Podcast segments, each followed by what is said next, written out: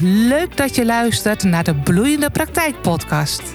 Ik ben Ingrid Beersen en in deze podcast deel ik tips voor coaches en therapeuten die verlangen naar een succesvolle en bloeiende praktijk.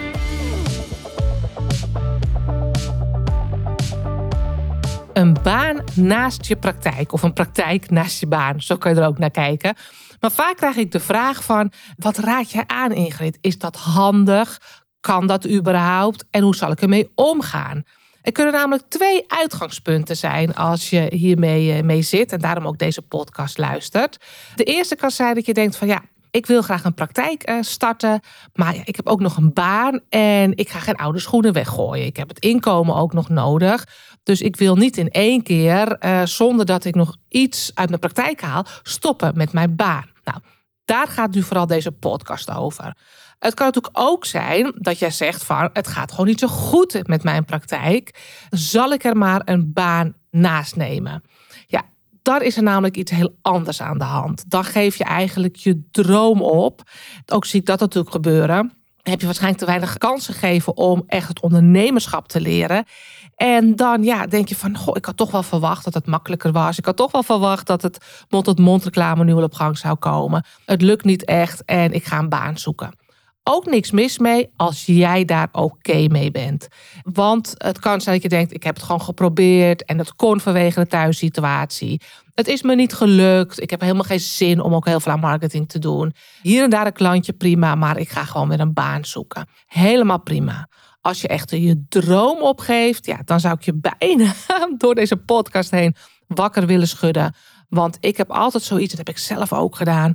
denk jezelf, en dit klinkt misschien een beetje luguber hoor, maar denk jezelf eens verder aan het eind van je leven. En kijk dan eens terug, of sta je bij je kist bij wijze van spreken.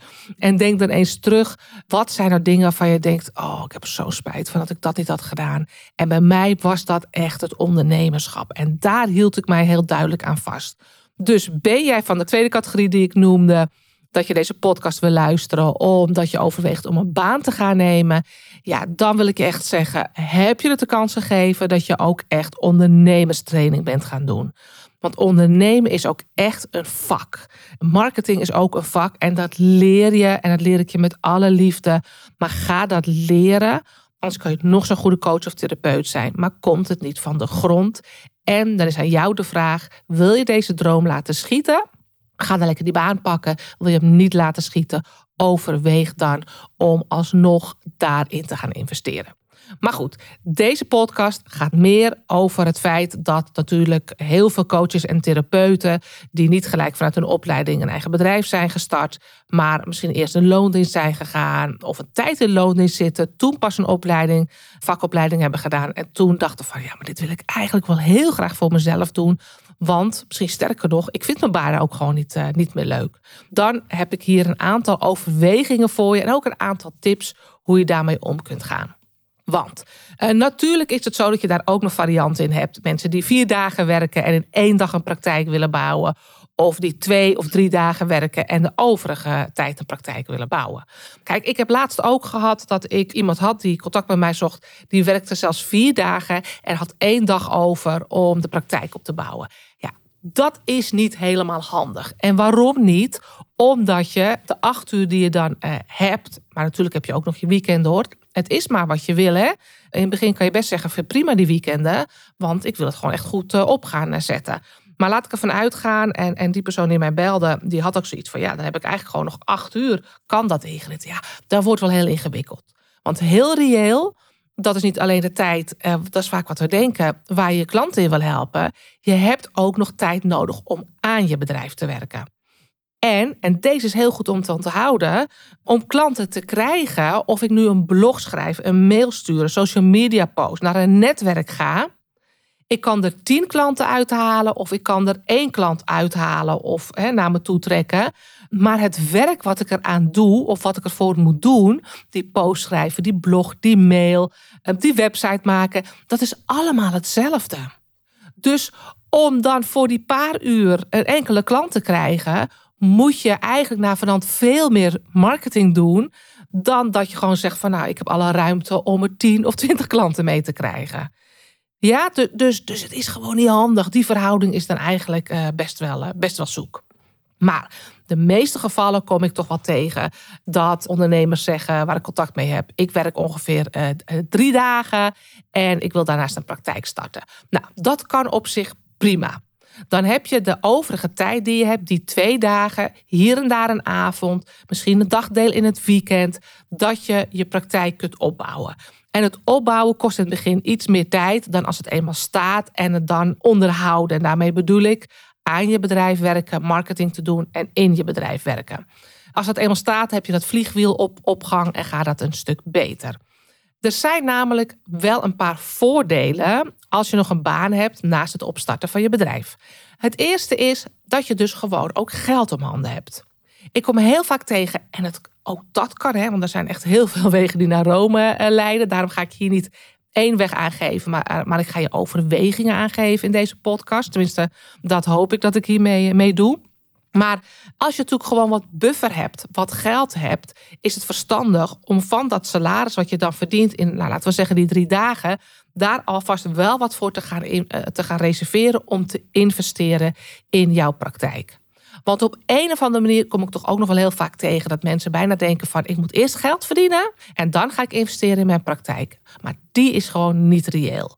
Dus het voordeel is, als je nog een baan hebt en voor de geen andere buffers hebt opgebouwd, om dan wel iets te gaan reserveren voor de investering in jouw praktijk. En daarmee bedoel ik, maak gewoon gebruik van een goede websitebouwer met goede hosting. Niet zo'n zelfmaaksite. Vaak zie je dat aan de buitenkant. Of loop je op langere termijn tegen beperkingen aan waar heel veel gedoe door ontstaat. Of ik, mijn man wil het wel doen. Of mijn zoon. Of, of mijn buurjongetje. Of ik heb een bevriend iemand.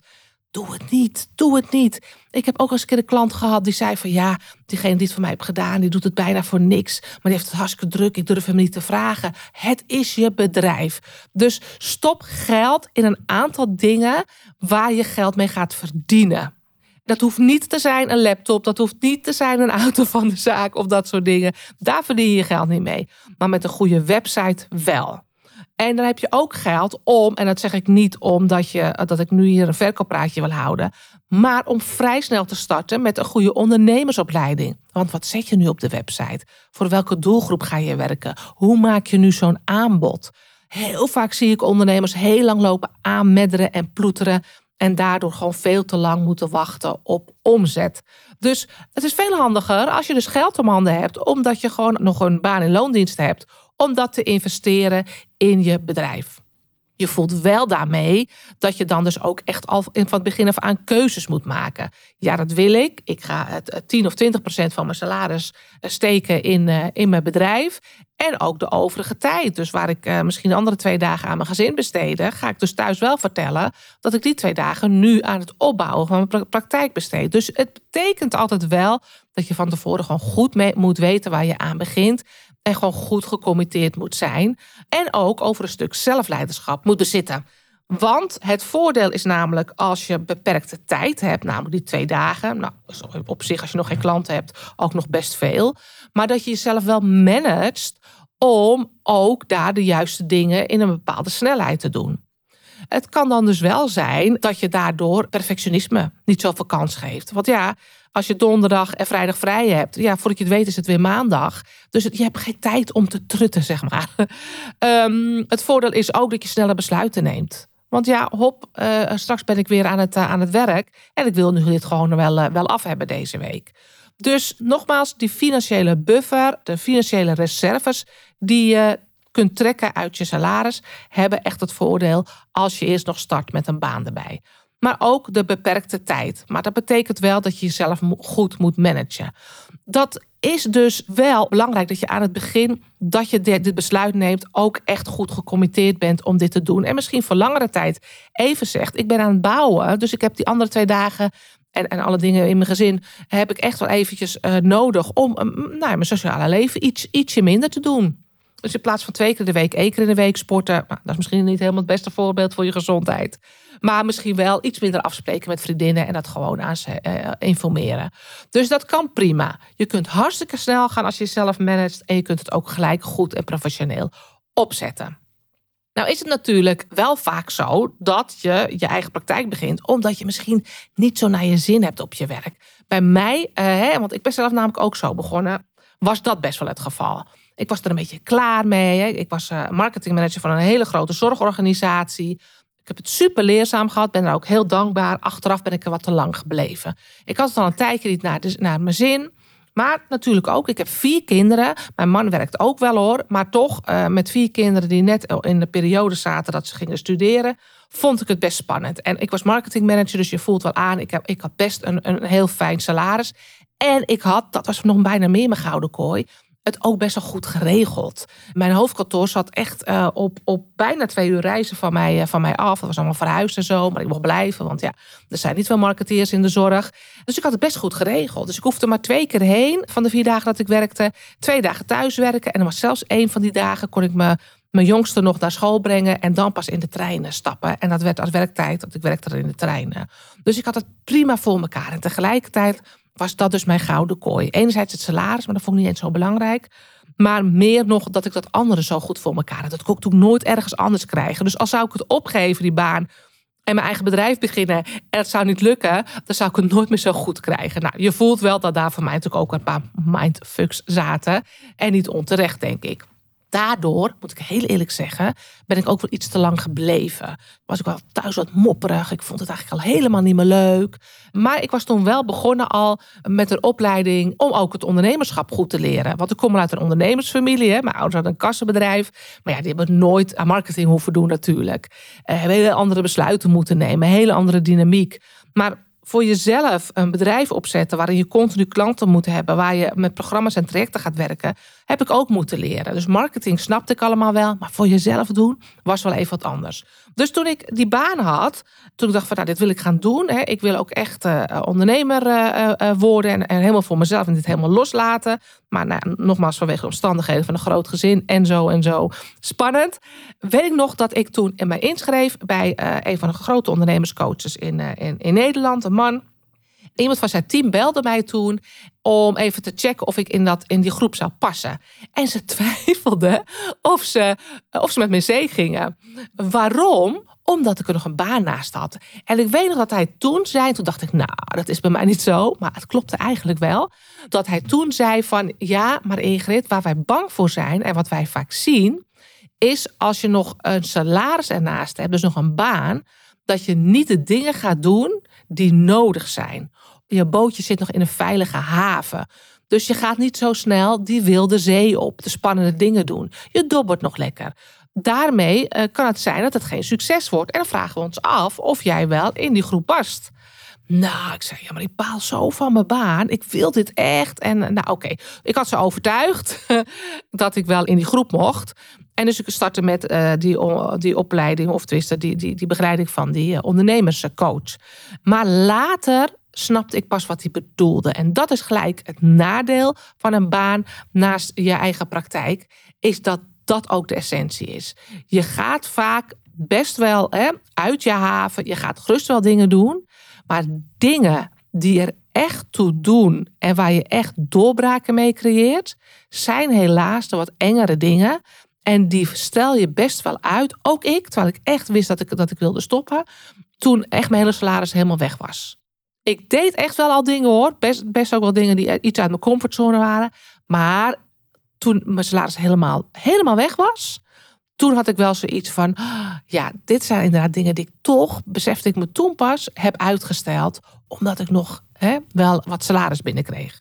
Hoe ik het heb gedaan, is dat ik vier dagen werkte. Toen ik wist dat ik dit wilde gaan doen, heb ik al gezegd dat managementgedeelte wil ik gaan opzeggen. Dus toen ben ik naar 28 uur gegaan. Van 28 volgens mij naar 24 en 20. En toen heb ik het helemaal opgezegd. Dus ik had voor mezelf wel een hele duidelijke piketpaal neergezet. Door het al op tijd bespreekbaar en open te, te stellen bij mijn uh, huidige directeur. Dus dat is eng, dat is spannend. Maar tegelijkertijd is het ook wel duidelijk voor beide partijen. En kan je uh, een pad uitstippelen en misschien ook nog wel wat financiële afspraken maken. En dat is echt mijn advies. Als jij dus een baan hebt en je gaat de praktijk opstarten met het doel om uh, je baan los te laten echt, wees niet te naïef door te denken: als het goed loopt, dan durf ik mijn baan los te laten. Want die gaat nooit helemaal gebeuren, want succes heeft ruimte nodig. Dus wees gecommitteerd. Ehm, maak de tijd dat je aan het opbouwen bent, bijvoorbeeld een jaartje. Houd dan die baan nog vast. Reserveer daar wat geld voor, dat je kan investeren om de goede keuzes te maken, maar dingen ook professioneel neer te zetten. Maak er gebruik van dat je beperkte tijd hebt om snelle besluiten te maken.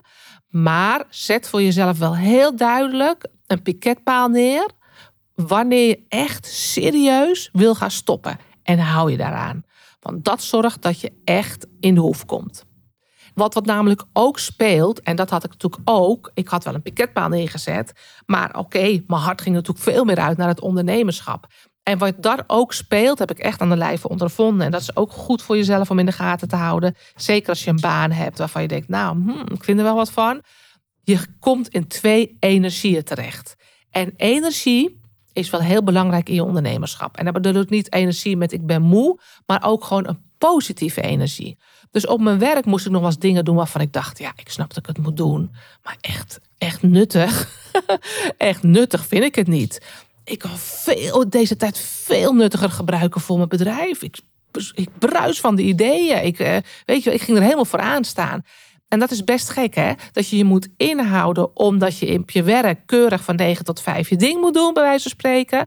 Terwijl je aan de andere kant bruist van de energie. Dat zijn wel twee dingen wat je op een gegeven moment gaat opbreken. Dus je voelt wel in deze podcast, word je misschien wat heen en weer geslingerd. Maar er zijn een aantal voordelen. Maar zet ze altijd in met een duidelijk pad voor ogen. Uh, zet ze in door een hoog commitment vooraf. Dat je echt wil dat je het na een jaar gaat loslaten. En misschien dan dus in stapjes van, van drie dagen naar twee dagen. Dat is wat je bespreekbaar kunt, uh, kunt maken. Maar ga alsjeblieft niet starten met een praktijk naast je baan met dan zie ik het wel. En als het een keer lekker loopt, ja, dan wil ik wel stoppen. Die gaat heel vaak niet lukken. Dus ook hier geldt gewoon weer voor dat je wel een beetje een plan moet, uh, moet hebben. En een hoog commitment. En uh, goed in de gaten moet houden of de energieën op precies die twee verschillende dingen wel voor jou blijven kloppen. En als je dan gaat werken met die piketpalen, dan weet ik zeker dat het je ontzettend veel kan gaan brengen om op deze manier te starten. Je hoeft echt niet in één keer heel groot in het diepe te starten. Dat is niet voor iedereen weggelegd. Heb ik dus zelfs ook nog niet, uh, nog niet gedaan. Dit is hoe het voor mij werkt. Dit is wat ik echt ook heel veel zie bij klanten van mij. Als ze dit doen, want dit zegt ook wat over je leiderschap. Want ondernemen is ook besluiten durven nemen, spannende besluiten nemen. En als je al niet het besluit durft te nemen om over een jaar of over een half jaar een pakketpaal neer te zetten, dan wil ik stoppen met mijn baan. Of dan wil ik uh, van drie naar twee dagen of van drie naar, naar twaalf uur van 24 naar 12 uur. Als je dat soort dingen al niet durft, ja, dan wordt het ook wat ingewikkeld in je bedrijf, waar je ook stoere besluiten moet gaan, uh, gaan nemen. Dus nou, ik hoop dat dit je helpt om te zien waar voor jou de speelruimte zit. Om te zien en te voelen hoe gecommitteerd ben je eigenlijk om dit te doen slagen. Wat is nu je plan voor over één of twee jaar? Kijk, vijf jaar verder kijken, dat vind ik dromen, is soms best mooi. Waar zou je willen staan en hoe zou je praktijk eruit zien? Maar dat is tegenwoordig met de wiebelige wereld waar we in zitten bijna niet te doen. Maar één of twee jaar vooruit kijken is wel handig om je plan uh, te trekken. Ik hoop dat dit, mocht jij in deze situatie zitten, of misschien denken van ja, in deze situatie wil ik gaan stappen, jou helpt om daar een besluit in te nemen of een padje uit te zetten. Maar ook om goed overwegingen te maken van hoe gecommitteerd ben ik eigenlijk om uh, dit te doen, doen, slagen? Of ben ik gewoon geïnteresseerd en zie ik wel waar het schip uh, strandt? Ja, dat is meestal niet de allerbeste manier om dit avontuur uh, aan te gaan. En dan is het ook best wel intensief om naast je praktijk of naast je loon, loondienst je praktijk op te starten. Dus, dus overweeg dit gewoon goed. Dan kan het prima werken. Gaat het je echt op een aantal fronten helpen.